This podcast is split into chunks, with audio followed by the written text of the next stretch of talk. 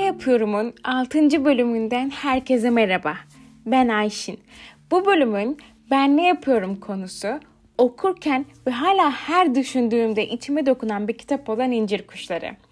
Bu kez bir kitap incelemesinden yola çıkıp tarihteki bir olaydan bahsedeceğim.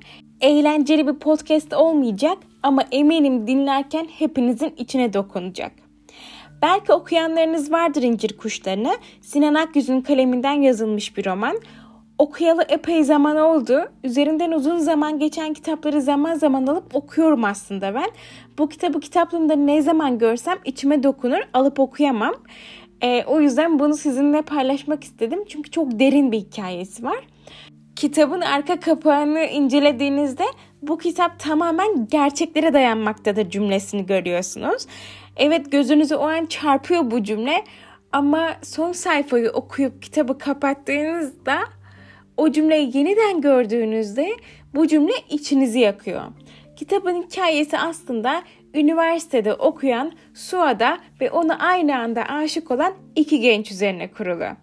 Bu iki genç çocuktan biri Müslüman Boşnak genci, diğeri ise Hristiyan bir Sırp. Hikaye buradan başlıyor ve en az 8372 Bosna vatandaşının hayatını kaybettiği Srebrenica katliamını anlatıyor. Belki daha önce duymuşsunuzdur. Ben size kitabın içeriğinden bahsetmeden bu katliam hakkında biraz bilgi vereceğim. Srebrenica katliamı ya da Srebrenica soykırımı Sırp ordusunun Srebrenica'ya karşı giriştiği ve Bosna Hersek'in Srebrenica kentinde Bosnalıların Sırp General Komutası'ndaki ağır silahlarla donatılmış ordu tarafından öldürülmesine verilen addır. Bu yalnızca bir savaş değil, bu bir katliam ve bu katliamda kadınların ve küçük yaştaki çocukların da öldürüldüğü belgelerle kanıtlanmış. Srebrenica, Yugoslavya'nın çöküşünden sonra Sırpların Bosna'da başlattıkları soykırımın ardından bölgeye zoraki olarak müdahale eden Birleşmiş Milletler'in güvenli bölge ilan ettiği 6 bölge arasındaydı aslında. Savaştan önce kentin nüfusu 24 bin civarı iken gelen mülteci göçleriyle kent 60 bin nüfuslu bir toplama kampına dönüştü.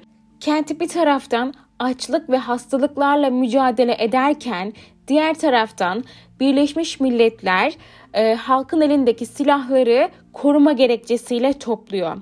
Sırplar Srebrenica'ya olan saldırıları sıklaştırdıklarında halk Birleşmiş Milletler'in Hollandalı generalinden e, silahlarını geri istiyor ama bu başvuruları reddediliyor. Ve Birleşmiş Milletler yalnızca ve yalnızca iki F-16 uçağını kent üzerinde göstermelik olarak uçuş yaptırıyor ve sonrasında bütün yardımları kesiyor. Hollandalı askerler bir gece yarısı Bosna'daki bu kenti boşaltıyorlar ve savaş sırasında şehrin güvenliğinden sorumlu olan Hollandalı komutan kendisine sığınan 25 bin mülteciyi ve şehri acımasızca Sırplara teslim ediyor. Bu bir hafta süren katliam 2. Dünya Savaşı'ndan sonra insanlığa yapılan en büyük suç olarak arşivlerde yer alıyor. Katliamdan 15 yıl sonra Hollanda mahkemesi Hollandalı askerleri suçlu buluyor ancak o kadar insanın yaşadığı acı ve kayıp geçmiyor. Ve adalet hepimizin kalbinde bir yara olarak kalmaya devam ediyor. Bir zulme susmak yarayı iyileştirmiyor. Sorumlusu kim olursa olsun, sorumlu susan her insanın vicdanı, sorumlu hiçbir şey yapmayarak sessiz kalan dünya, sorumlu elini taşın altına koymayan ya da yeterince koymayan devletler. Bir annenin evlatlarının parçalarını bir ağacın dallarından toplamasının sorumlusu kalbi varken kalpsiz davranan herkes. Masum bir insanın dini, dili, cinsiyeti ne olursa olsun haksız yere çektiği her acının sorumlusu bugün bile tüm haksızlığa hala sessiz kalanlar. Adına savaş, soykırım, katliam ne derseniz deyin. Neye inanıp neyi kabul ederseniz edin toprağın altında olan her bir canın yaşayamadığı günler Umarım bunu yapanların en büyük sınavı olur. Hepimiz aynı gemideyken birileri bazılarını gemiden atmak istediği için bu gemiden atılanlar ümit ediyorum ki gemiden atanların kabusu gemide kalanların vicdanının üzerinde kara bir bulut olur. Bu konuda daha fazla bilgi sahibi olmak isterseniz bu süreci ve sonrasını anlatan birçok belgesel var. Yine 2008 yapımı Aliya isimli filmi de önerebilirim. Film Sırp katliamında ailesini kaybeden bir adamın intikam planını anlatıyor. Ancak mutlaka ve mutlaka incir kuşlarını okumanızı tavsiye ediyorum. Kitap içinize dokununca ne demek istediğimi daha çok anlayacaksınız.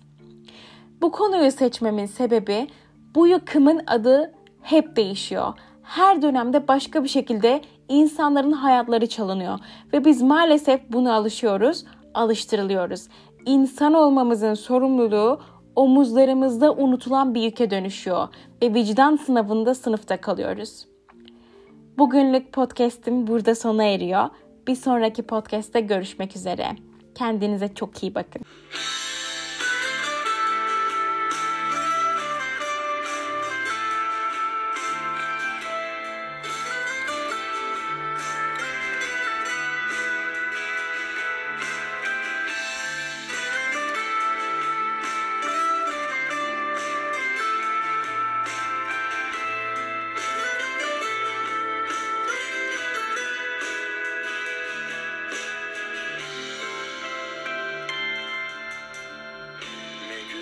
Baktın bana.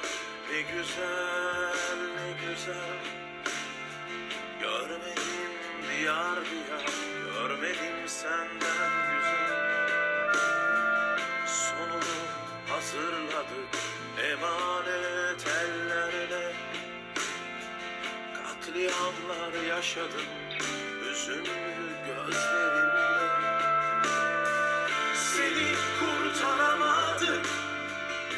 hiçbir şey yapamadık